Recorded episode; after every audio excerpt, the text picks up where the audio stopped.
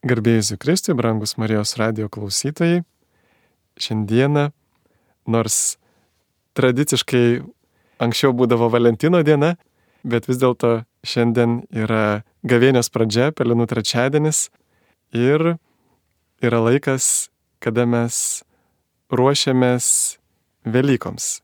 Ir kartu tai yra diena, kada prasideda 40 valandų adoracija Kaune katedroje ir apie tai apie šios dalykus mes kalbėsime kartu su gerbiamu monsinjoru Vytautu Grigaravičiami, gerbėjus Kristai. Per amžius amen.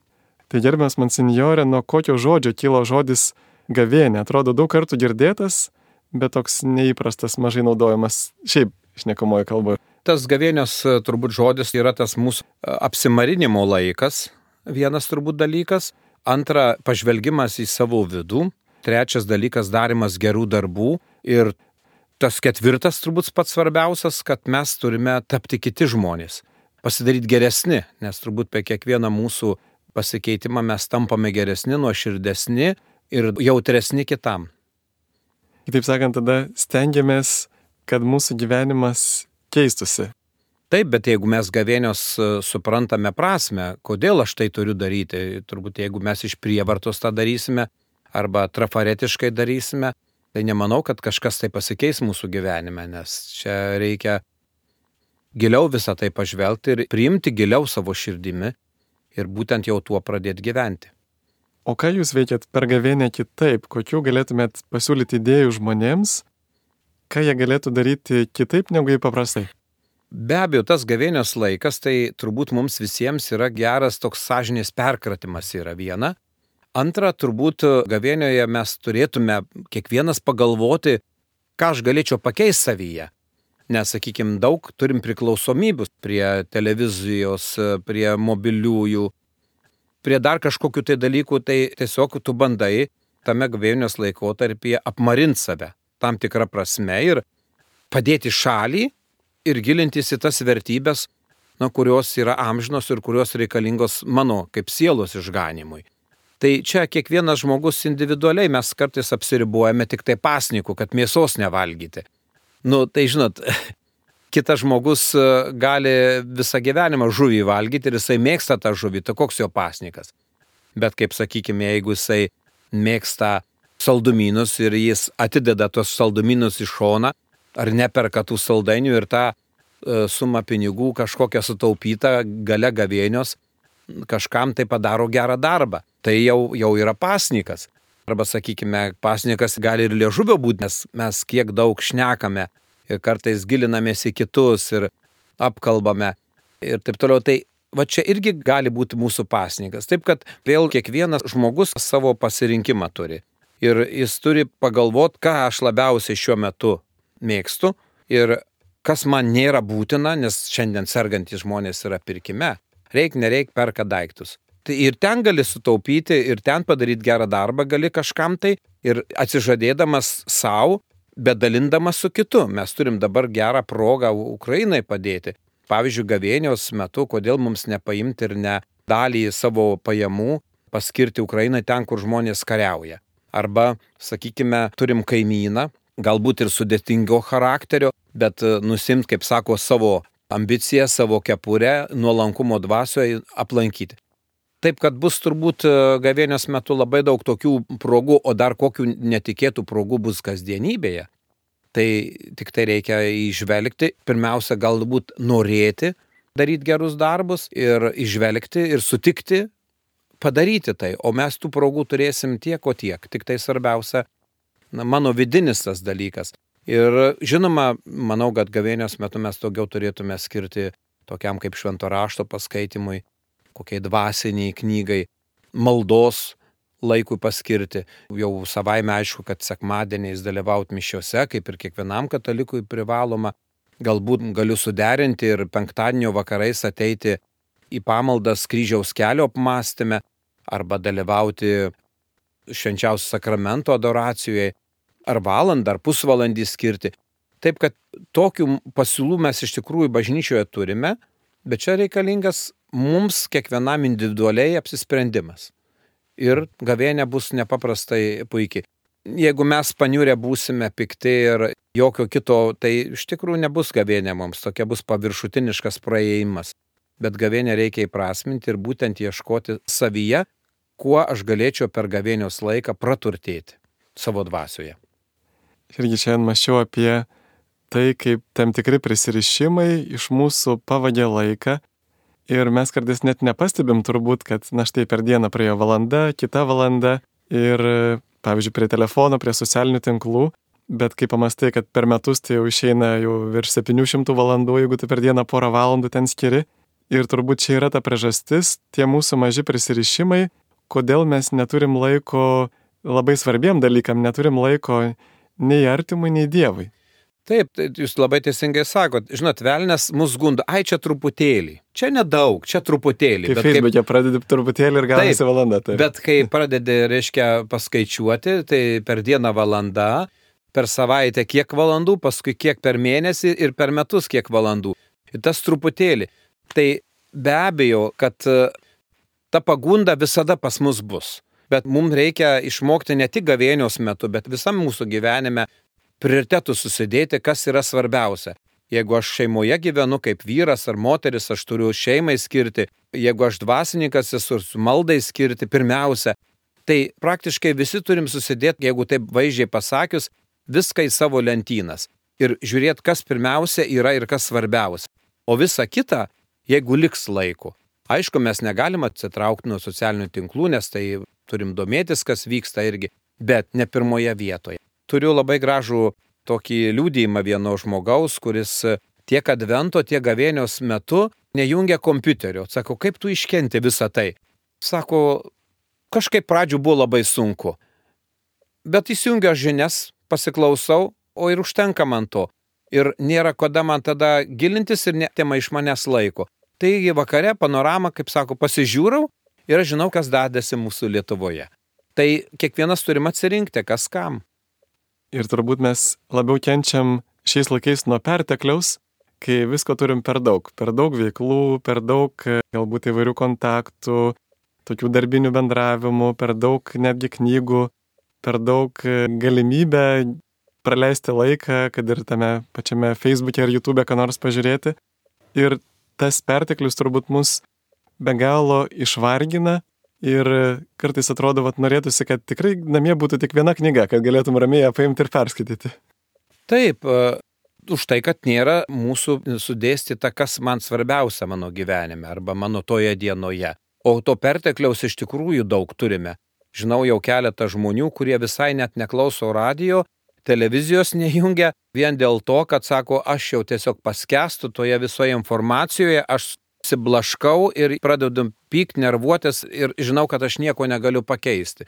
Tai iš tikrųjų tas perteklius tai visus mus kankina, nes ir norisi žinoti, bet kartais jau tas malsumas mūsų perauga į tokią formą, kur man nebūtina ten žinoti. Bet tai čia vėl piktosios dvasios gundimas yra, kad, nu, tu paskesk šitoje erdvėje ir visą kitą aš susitvarkysiu. O kaip Jūs paaiškintumėte žmonėms, kodėl per penktadienius mes neturime valgyti mėsos. Kuo ta mėsa yra blogesnė už kitką? Nu, matote, mėsos valgymas, aš kaip ir minėjau pradžioje, kad kitas žmogus gali tos mėsos ir nemėgtis, gali visą laiką valgyti žuvį. Ir jam skaniausia ta žuvis. Čia turbūt apmarinimas pirmiausia tai yra mano. Vidinio gyvenimo apmarinimas tam, kad aš galėčiau toliau žengti. Tai jeigu aš mėgstu saldumynus, jeigu aš mėgstu mėsą, jeigu aš mėgstu žuvį, ar dar kažką tai. Tai turbūt pats pagrindinis dalykas, ką aš labiausiai mėgstu, aš to atsisakau. Ir esmė ir prasmė bus būtent mano apmarinimas. Kai gali ir būti nebūtinai medžiaginiai dalykai, gali būti ir, ir kitokie dalykai. Tai apmarinimas. Kai apmarini save, tada jau skaidrėjai ir, sakykime, tada gal kitom netakimis pradedi matyti daugelį dalykų kitaip. Bet kodėl būtent pabrėžia ir viskupai va tuose dokumentuose, kad būtent mėsos, nesako, kad saldainių nevalgykit per gavienį? Čia turbūt senos tradicijos, kad apmarinimas, na aišku, dauguma tikrai labai mėgsta tą mėsą, tai gal ir pasirinkta. Tiesiog negalėčiau atsakyti, kodėl turbūt, būtent taip. Anksčiau turbūt buvo toks prabangos prekė, netgi skaičiau tokį straipsnį apie ekologiją, kad jeigu žmonės pradėtų valgyti mėsą ten, kur jos dabar nevalgo, ištiktų ekologinė krizė, nes reikėtų ir dvigubai daugiau ploto ganykloms, ne tik tai pašarams ir kad, na žodžiu, daug dalykų susideda, kad neturtingose kraštuose žmonės iš tikrųjų ir nevalgė anksčiau mėsos ir tik tai šiais laikais galbūt ta pati žuvis kainuoja mums brangiau negu mėsa. Ir toks jau išeina, nebelieka to momento, kad turbūt pasnikas ir tam, kad tai būtų pigesnis maistas, kad aš galėčiau skirti laiko išmaldai, ar ne? Taip, be abejo, tai ir gavėnios tai yra tas laikas, kaip ir sakiau, kad mes kažką sutaupome, kažko tai atsisakome iš tų visų e, medžiaginių dalykų ir pasidaliname. Tai asmenis dalykas turbūt yra. Ir dar turbūt yra susijęs pasnikas ir su malda tikriausiai, nes mes tuomet turime daugiau laiko, na aišku, jeigu gyvenam vieni, kai nereikia gaminti valgyti. Taip, nu tai malda, pasnikas ir išmalda. Tai manau, taip tam reiškia gavėnios laikotarpyje labai šitie trys komponentai tinkantis - malda, pasnikas ir išmalda. Tai meldžiuosi, daugiau skiriu laiko maldai. Pasnikas atsisakau savo mėgstamiausių dalykų tuo metu. Ir išmalda aš pasidalinu su kitu. Vienas, sakykime, paketas yra, kuris e, mano dvasia kelia. Aš girdėjau tokią įdomią mintį, paskui tikrai susimaščiau, kad tikrai taip yra, kad tie trys dalykai pasirodo, jie atstato mūsų tą trijopą santykį. Va malda atstato santykių su Dievu, pasninkas santykių su savimi, išmalda atstato santykių su, su artimu. Toksai tarsi gražinimas tos Dievo tvarkos į tuos mūsų tris svarbiausius santykius. Taip, bet tas ir pasnikas turėtų būti įprasmintas, nes žinot, kai alkanas žmogus, jisai sako, piktas pasidaro. Turbūt ir tai tiesa yra, bet tu gali ir savo gerumu, ir ramybę dosnumu spinduliuoti, kad ir pasnikauji. Ir mus ragina, kad nebūkime vaidmainiai. Reiškia, kad va čia jau nusiminę, pasitepę galvas ir taip toliau. Tai čia ne, ne tas dalykas. Viskas turi išplaukti iš mano širdies. Ir turiu žinoti, dėl ko aš tą darau. Ne tai, kad tik gavėnės laikas, bet aš turiu žinot, kodėl aš tą darau. Kad Tada... numesčiau svorio? Numes svorio taip, ir žmonės daug kas pasnikauja, vakarais nevalgo, kad išlaikytų tam tikrą svorį. Bet jisai turi tikslą, panašiai galim sakyti ir gavėnios, prieš save turėti tikslą, kodėl aš gavėnios metu atsisakau to, ano, trečio ir ketvirto ir ką aš per tą gavėnios laiką padarau, pakeičiu savyje ir bandau padėti kitam. Bet irgi man toks vis klausimas kyla, juk malda ir pasninkas dar yra susijęs su dvasinio kova, kaip Jėzus sakė, kad šita veislė neišvaroma kitaip, kaip tik malda ir pasninku. Tai vad įdomus dalykas, kaip dabar pasninkas siejasi su va, tos piktosios dvasios išvarimu. Be abejo, aš manau, kad čia labai svarus argumentas už tai, kad jeigu mes sugebame suvaldyti save, savo kūną, tai iš tikrųjų mes žengėme į priekį. Nes norime pakeisti save ir aš turiu kažko atsisakyti. Ir jeigu nuo mažų dalykų mes tą padarysime, tai mes įveiksim ir didelius dalykus. Ir kai kurie žmonės dar taip su baime kartais kalba apie gavėnę, sako, kad per gavėnę, na, neleidžiama nei muzikos klausytis, nei švesti, nei kažkur tai eiti gimtadienius. Kaip čia yra su ta muzika ir gimtadieniais per gavėnę? Nu, mato, tie visi dalykai, kurie kviečiami, kad žmonės susilaikytų nuo pasilinksminimų, nes turbūt visi sutinkam su tuo, kad kiekvienas pasilinksminimas, kiekviena šventė mus išblaško. Ir jeigu aš noriu tą gavėnios laiką rimtai praleisti susikaupimu, patirti savo dvasinę tokią ramybę, atgauti ją, jeigu aš įsiblaškęs esu, tai visi šitie išoriniai dalykai, jie tikrai mums trukdo, nes pavyzdžiui, išeikim į gatvę ir vis tiek mes girdime muziką, žmonės judėjimą, o grįžkim namo, tai kol mes sugrįžtam į save, reikia laiko. Tai gavėnios metu yra kviečiama susilaikyti nuo pasilinksminimo. Jeigu aš nuveisiu pas bičiulį, kuris švenčia savo gimtadienį ir išgersiu su juo arbatos, aš galų gale jį pasveikinsiu, bet aš jam padovanosiu mano buvimą su juo, tai nematau nieko blogo.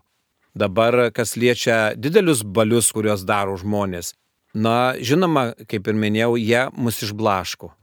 Ir mums vėl, sakykime, grįžti į tą gavėnios metą ar į tą vidinį susikaupimą reikės laiko. Tai nėra taip paprasta ir lengva. Todėl bažnyčia ir kviečia, kad skirčiau daugiau laiko maldai, kūno apmarinimui. Tai bus labai geras žingsnis ir laimėjimas kiekvienam iš mūsų. Taip, iš tikrųjų, jeigu nori kažką tai pridėti, turi kažką atimti. Tai mes tikimės, kad mūsų klausytojai išjungs jau nuo šiandienos, pavyzdžiui, savo Facebookus bent jau, kada nereikia dirbti ir galėsime tada tą laiką skirti prieartėjimui prie Dievo ir prie žmonių. Ir jūs pradžiai minėjote, kad per gavėnę galima ir perskaityti kokią nors gerą knygą. Gal jūs galėtumėt parekomenduoti kokią nors jūsų mėgstamą labai gerą atrastą dvasinę knygą? Dabar labai daug e, yra tų dvasinių knygų, tiesiog atra konkrečiai kažkokią tai net negalėčiau rekomenduoti, nes pasirinkimas yra labai platus. Tik manau, kad visai nebloga būtų proga gavėnios metu pasidomėti kiekvienam apie savo šventąjį. Krikšto metu mums davė šventojo vardą. Bet kai aš paklausiu žmonių, sakykime, šventojo vardas, ten šventojo onutė yra, ar sakau, žinot ką apie ją nors? Tyla. Tai manau, kad gavėnios metu, kodėl nepagalvojus apie tai, kokį man davė krikšto vardą, kas tai šventasis, ir pasigilint. Ir va tiesiog pasižiūrėti, o gal aš galėčiau sekti tuo šventuoju, ką jisai turėjo. Arba sutvirtinimo vardas. Tai manau, kad kiekvienas individualiai turėtume pasirinkti, kas yra artimiausia, o labiausia tai turbūt geriausia knyga, kuri mums tikrai gali padėti, tai šventas raštas, kurį beveik dabar dauguma turim kiekvienas savo namuose. Ir pradėti truputėlį ne kaip romaną, bet po dalimis po truputėlį paskaityti, pamastyti, ką Jėzus kalba, ką Jėzus e, nori pasakyti. Galų gale apmastykime kryžiaus kelią, kad ir namuose būdami. Paimkime gavėnios metu po vieną stotį. Ir tiesiog pamatysime, kiek tenai yra gerų minčių, kurias savo prisitaikai. Matai, kad ir Judas buvai, kai Petras įsigynė Jėzų ne kartą ir negailestingas buvai. Viską galima atrasti. Taip, kad reikia tik susidėstyti, pamastyti ir pirmin. Prisimenu, popiežius Pranciškus kažkada yra sakęs, norėčiau, kad e, jūs išsitrauktumėt paskaityti šventą raštą taip pat dažnai, kaip jūs išsitraukėt pažiūrėti savo mobilų telefoną. Tai labai teisingai, labai teisingai sako šventasis tėvas, tikrai taip. Nes mobilus pas mus jau dabar jisai rankose, rankose, rankose. Netgi sekmadienį buvo Eucharistinė procesija katedroje ir mes einam su švenčiausiu žmonės procese, o viena mergina, reiškia, telefonų kalba, matosi, akivaizdžiai kalba telefonu ir tai pagalvo, ant kiek priklausomybė, kad jinai net negalėjo išsijungti to telefono pamaldų metu, čia eucharistinė procesija, to Jėzus pro tave eina, o tu kalbi mobiliųjų telefonu. Humoro formai galėtume pasakyti, gal ir Dievas jai skambino tuo metu. O jeigu rimtai, tai iš tikrųjų priklausomybė, manau, kad jeigu žmogus net tokioje aplinkoje, tokioje vietoje negali išjungti mobilaus, reiškia, tai yra jo priklausomybė, kuri, nu, iš tikrųjų veda į tam tikrą katastrofą. Mėly Marijos radio klausytojai, jūs girdite aktualių laidą, kalbame su gerbiamu monsinjoru Vytautu Grigaravičiumi apie šiandien prasidėjusią gavėnę, taip pat ir apie tokią maldos akciją, 40 valandų maldos akciją už mūsų tėvynę Lietuvą. Ir kartu dar perinant prie adoracijos temos, labai susijęs va, tas jūsų minėtas klausimas apie šventąjį raštą, kad Dievas per mišes mus maitina nuo tų dviejų stalų ir nuo Dievo žodžio stalo ir nuo Dievo kūno stalo, bet labai dažnai žmonės, kaip girdžiu pavyzdžiui per išpažinti, kaip sako, jie nedrįsta skaityti to Dievo žodžio, atrodo, kad sako ten daug neiškių dalykų ir taip ir nepradeda jo skaityti, bet kita vertus, na tai yra turbūt rečiausias klausimas, na, neskaitant Marijos radijo, laidų, kur žmonės paklausė apie šventą raštą, bet šiaip kaip kunigu dirbant trečiausias klausimas apie šventą raštą. Kaip jūs galėtumėt padrasinti, kad žmonės nebijotų skaityti Bibliją ir galbūt užsirašytų tos klausimus, galbūt gali žmonės tiesiog paklausti, kai ateina iš pažinties, pavyzdžiui, neiškės vietas švento rašto. Turbūt visi mes kažkada tai gaudom laišką. Kažkas mums parašydavo laišką. Ir ką mes darom? Pirmiausia, tai tą voką paėmę skaitom, kas mums rašo ir tu pamatai, kad rašo tavo pažįstamas. Ir tai toks įdomumas, nesvarbu, ką tu bedarai, viską padedi į šoną, plėši tą voką ir atsiverti ir parašyta. Labas Marytė, labas Juozelė, čia aš tas ir tas.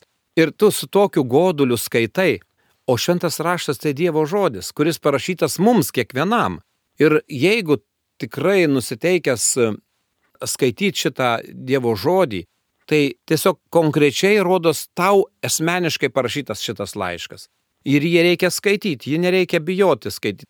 Visko nesuprasime. Bet jeigu, kaip ir minėjote, kas iš tikrųjų man kažkur visiškai nėra aišku, tą pasižymėjai ar kada eini iš pažinties, gali kunigo visada paklausti, ar asmeniškai sutikus kunigą gali paklausti, kunigė, va šitos dalies aš nesupratau. Dabar šventą raštą galime įsigyti ir su komentarais, kur ten galima pasiaiškinti, parašyta, ką nori pasakyti Jėzus. Bet Jėzus konkrečiai kalba kiekvienam iš mūsų. Tik tai mes turime jį atsiversti. Tik mes jį turime skaityti. O svarbiausia, niekada nebijoti skaityti. Nes turbūt švento rašto skaitimas yra pagrindinis šaltinis auginti mūsų tikėjimą. Ir jeigu mes apsileidžiam tame skaitime, tai ir mūsų tikėjimas turbūt nusilpsta ir mes gal labiau tada pradedam tikėti iš, iš tradicijos, iš įpročio. Taip apsiribojame mes kartais tom e, trafaretiškai, bet jokio progreso nėra mūsų dvasinėme gyvenime. Čia gali būti negerai. Dabar ruošiamės švesti Lietuvos valstybės dieną vasario 16 ir jau ne pirmi metai, kai mes kviečiame ateiti ir dalyvauti adoracijoje švenčiausio sakramento 40 valandų, melžiantis už mūsų tėvynę Lietuvą. Taigi Kauno arkikatedroje vasario 14 dieną ryte prasidės švenčiausio sakramento adoracija, ji tęsis iki vasario 16 dienos ryto, mes melsimės už tėvynę Lietuvą. Prašysime, kad Dievas globotų mūsų tėvynę. Melsimės už Ukrainą, melsimės už kiekvieną žmogų, kad gavėnios metas praeitų tinkamai, būtų atsivertimų ir žinoma, ypatingai melžiamės už tėvinę Lietuvą, kad jinai būtų saugi, kad jinai būtų apglėpta Dievo malonės ir kad mes tą turime padaryti dėl to, kad mes tikrai atgavom tą laisvę nepriklausomybę. Ir ši diena mums kiekvienam Lietuvos Respublikos piliečiui jinai svarbi yra o bažnytinė prasme tai irgi labai svarbi, nes mes atgavome tai, kažkada buvom ką praradę. Bet dabar atgavius reikia palaikyti maldą ir melsis už tėvynę Lietuvą ir kiekvienam iš mūsų prisidėti, kad ta Lietuva būtų laisva ir kad mes visi auktume. Taip, ir per Marijos radiją transliacija štai prasideda tos adoracijos vakare po vakaro šventųjų minčių. Ir kaip Jūs pasakytumėte, kodėl būtent 40 valandų Pirmiausia, tai sudarom visas sąlygas visiems, kurie nori. Kiti žmonės dirba dienos metu. Kiti anksti išeina į darbus, kiti vėlai grįžta iš darbų. Tai sudarom tą grandinę visą, kad visi, kurie nori, bet kokiu paros metu galėtų ateiti, pabūti tyloje, susimastyti, pasimels už tėvynę Lietuvą ir ypatingai pagarbinti Jėzau Euharistijoje kuris mūsų gyvenimas, mūsų viltis ir mūsų džiaugsmas yra. Ir man dar gražiai susisieja tas skaičius su išėjimu iš Egipto vergyjos, kaip jie 40 dienų klajojo toje dykumoje.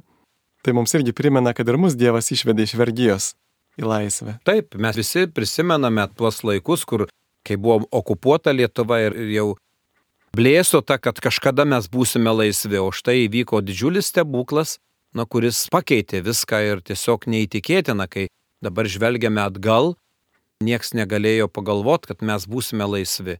Nes buvom tokioje apsuptyje, tokioje okupacijoje, o šiandien mes esame laisvi, mes galime laisvai išpažinti savo tikėjimą, mes galime į bet kokią pasaulio šalį nuskristi. Visos visos galimybės yra, bet šitą laisvę reikia saugoti. Ji duota mums, todėl mes savo maldą savo palaikymu, savo darbu, savo rūpeščiu turime saugoti mūsų tėvynę Lietuvą ir būtent prašyti, kad Dievas toliau mus laikytų, globotų. Paštalas Paulius rašo savo laiškė romiečiams, kad Dievo neregimosios ypatybės, jo amžinoji galybė ir dievystė nuo pat pasaulio sukūrimo išvelgiamas protų iš jo kūrinių, taigi jie nepateisinami. Pažinę Dievą, jie negarbino jo kaip Dievo ir jam nedėkojo, bet už jį svarstydami paklydo ir neišmani jų širdis aptemo, girdamiesi esą išmintingi tapo kvaili ir išmainė nenykstančioje Dievo šlovę į nykstančių žmogaus paukščių keturkojų bei šliužų atvaizdus. Taigi atrodo, kad kartais ta istorija kartojasi, kad mes nepakankamai padėkojom Dievui, neteinam jo pagarbinti ir kažkaip pamažu nuklystame. Taip, mums visiems visada yra pavojus apsipratimui daugelį dalykų. Ir tas laisvės turėjimas, apsipratimas ir kartais žvelgiame kaip į natūralų, taip čia turi būti. Bet iš tikrųjų visada mes turim nepamiršti, kad mes Dievo esame apsuptyje, kad mes Dievui už tą turime dėkoti ir melsis už mūsų tėvynę Lietuvą, kad mes auktume, bet nesustoję būtume, bet auktume savo dvasia. Jūs kūruojate dvi nuolatinės adoracijos vietas - Kauno katedroje ir Švenčiausio sakramento koplyčioje. Ar žmonės noriai ten ateina pasimelsti, ar sunku nuolat surasti žmonės tokiai nuolatiniai maldai? Tai visada mes norime, kad kuo daugiau būtų žmonių. Iš tikrųjų, tai žmonės, kurie yra įsipareigoję, jie tikrai skiria savaitėje ar valandą ar dvi ir ateina, iš tikrųjų matosi tas žmogaus ateimas ne tik tai, kad va ateiti reikia, bet kartu matosi, kaip jisai ir malda kalba. Visada yra džiugu, kai matome daugiau žmonių. Mes kviečiame, sakome ir prašome, kad ateikim, adoruokim viešpatį ir dėkojime ir melskimės kartu tas sunkumas kartais pasitaiko, kai žmonės yra apsipratę daugelį dalykų ir kai neskiria tam dvasiniam augimui laiko, tada labai pasidaro sunku. Bet dabartinė situacijoje, tai tiek švenčiausio sakramento koplyčioje, tiek katedros koplyčioje tikrai ateina žmonių, meldžiasi, vakarais daugiau būna ir dienos metu mažiau būna, bet nenutrūkstama švenčiausio sakramento adoracija vykstanti, ji iš tikrųjų keičia žmogų. Galų gale kitas galbūt tuo metu ir nieko nesako viešpačiu, bet jis adoruoja jį savo buvimu. Tai gera proga pabūti toj nepaprastoj tyloj ir kartais įsiklausyti, ką Dievas mums kalba. Ir ką dar būtų galima veikti atėjus į adoracijos maldą? Aišku, turbūt tos tylos mums labiausiai ir trūksta šiais laikais.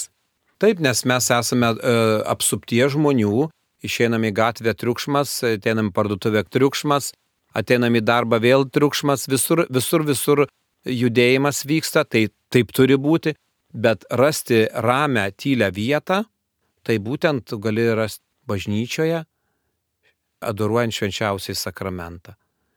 Nes nusiramint savyje nėra taip paprasta pasakyti, kad aš tik nusiraminau. Reikia laiko.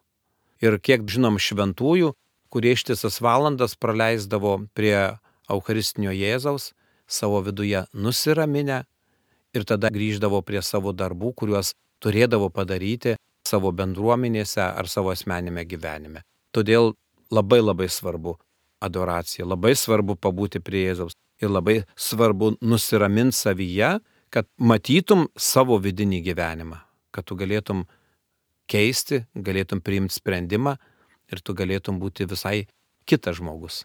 Šiais laikais labai populiarios įvairios jogos, meditacijos, kuriamis ir siekiama va tokio nusiraminimo, bet tai yra tik tai žmogiškos pastangos.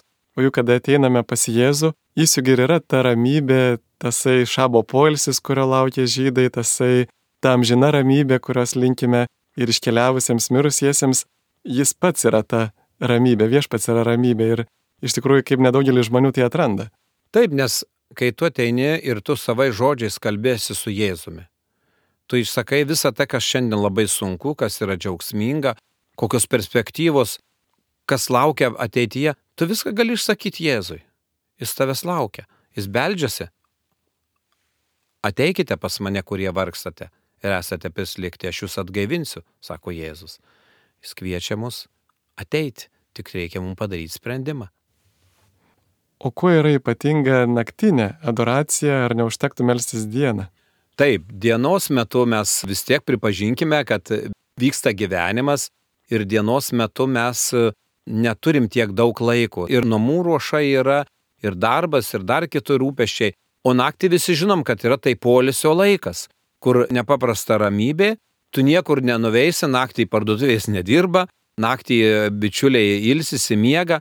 Būtent tas laikas, kur jis būtent skirtas tam nepaprastam tyliam metui kas tuo metu maldoje, kas tuo metu gal miega, ilsisi, bet tas pats padovanotas laikas yra, kur tu tikrai gali rasti laiko pabūti su Jėzumi. Ir Lietuvoje turbūt adoracijos malda nėra taip jau seniai atsiradus, arba tiksliau sakant, išpopuliarėjus, ar ne, kad Daugiau šita tylos malda, kaip sakykime, adoracija, jinai prasidėjo, kai buvo Eucharistinis arkiviskupijų kongresas. Ir tada dar Jaunavoje, pamenu, prasidėjo adoracijai, tada įsteigėm švenčiausią sakramento koplyčią ir tenai prasidėjo, paskui toliau ir miestuose, benediktinės ir kitose bažnyčiose. Ir Kauno miesto bažnyčiose irgi vyksta adoracija tik įvairiausių metų, vieną dieną, bet kai kur tai ištisai adoracija vyksta. Ir šitas populiarėjo būtent po Eucharistinio kongreso. Ypatingai atsivėrė, sakykime, langas, kur žmonės gali ir dienos metu, ir nakties metu ateiti garbinti Jėzų.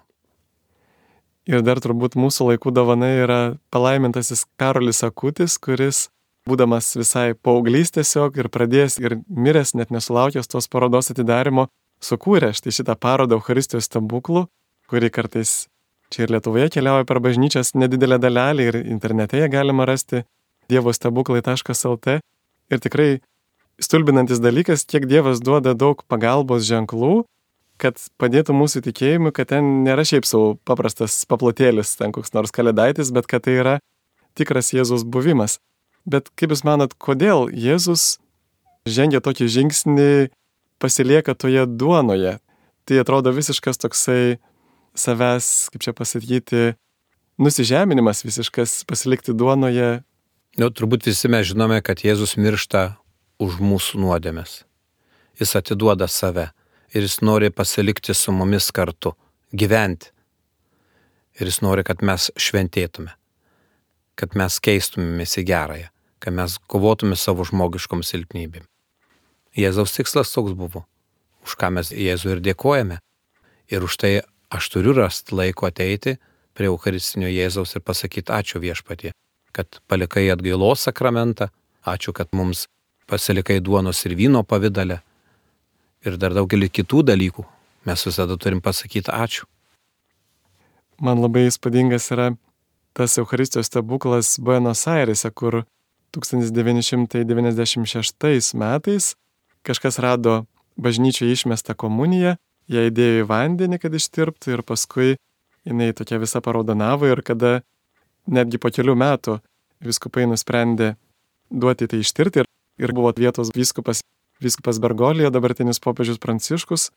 Ir kada jie davė ištirti mokslininkam į kelias vietas išsintinėjo ir nesakė, kas tai, ir jie pasakė, kad tai yra širdies gabalėlis, kenčiančio žmogaus širdies ir tos pačios kraujo grupės, kaip e, pavyzdžiui Turino drobulė ar Balančiano Eucharistijos stebuklas. Tai irgi atrodo įspūdingas dalykas, kad Jėzus duoda būtent savo širdį, bet va kaip gražiai viskas susidėlioja, kur yra Ezekėlio knygos ta pranašystė, kad išims iš jūsų akmeninę širdį, duosiu jums jautrę širdį, kad laikytumėtės mano įsakymų, vykdytumėte juos O juk Jėzaus naujas įsakymas - mylėkite vieni kitus, kaip aš jūs mylėjau. Tai atrodo, kad viskas taip susidėlioja logiškai, kad jisai mums įsako mylėti, kaip jisai myli ir duoda savo širdį, nes kitaip mes kaip mes galėtume mylėti taip, kaip jisai myli. Taip, iš tikrųjų yra didelė dovana ir palaimintasis Karolis vis stebėdavosi, sako, na štai futbolo stadionus, į koncertus, eilės yra didžiulės, o prie adoracijos arba prie šventųjų mišių kartais žmonių visai nedaug ateina tai turbūt melsime ir už tai, už tą tautos dvasinį atgimimą. Taip, visuomet už mūsų tėvynę Lietuvą, bet ir kartu, kad tas dvasinis augimas, atgimimas, sakykime, būtų, nes mums visada reikia atsinaujinti. Mes negalim likti toje pačioje terpėje.